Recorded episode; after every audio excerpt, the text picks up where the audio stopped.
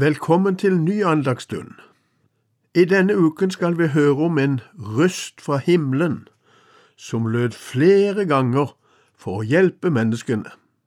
Under Israels vandring gjennom ørkenen fra Egypt og tilbake til Israels land kan vi lese mange ganger om hjelp og røst som kom ifra himmelen.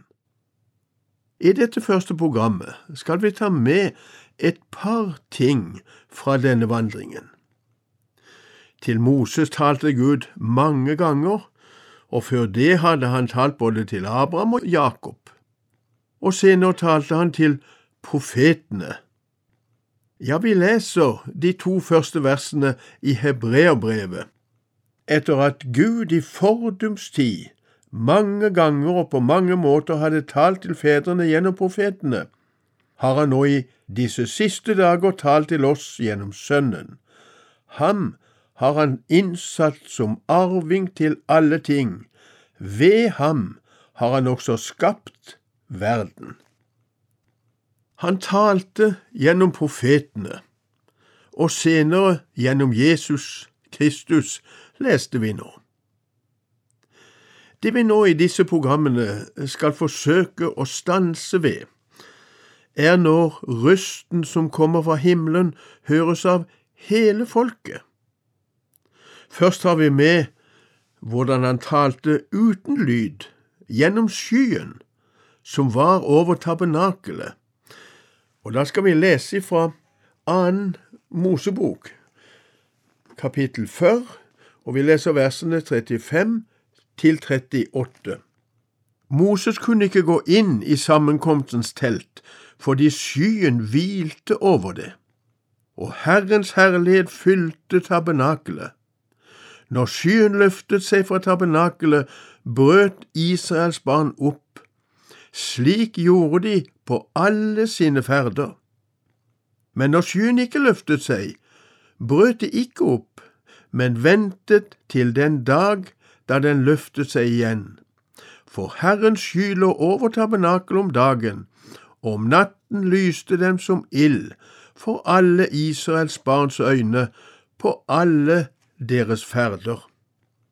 Slik ledet Gud folket gjennom skyen, selv om det den gang ikke var noe røst å høre, men at Gud talte til dem gjennom sin røst uten at de så noe, det går klart fram når vi leser det i, i femte Mosebok og det fjerde kapittelet og litt av vers 15, og der står det slik.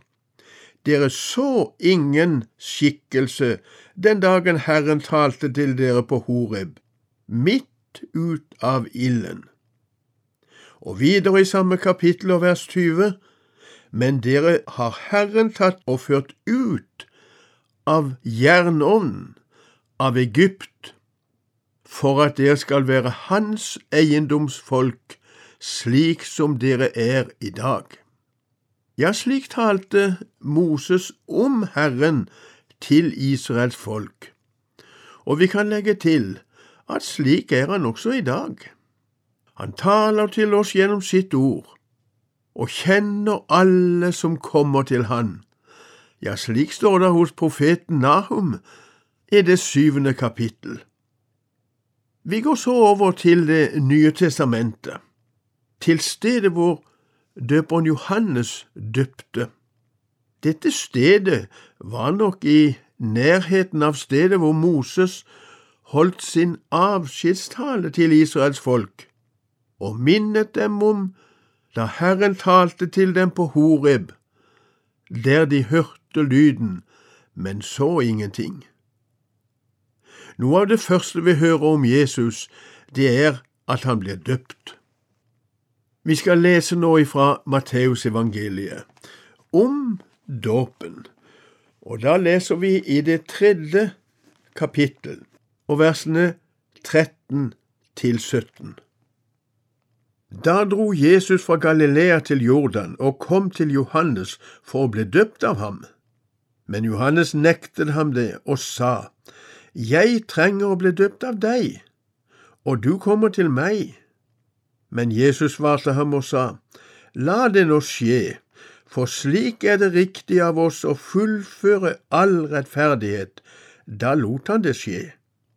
Da Jesus var blitt døpt, steg han straks opp av vannet, og se, himmelen åpnet seg, og han så Guds ånd stige ned som en due og komme over ham.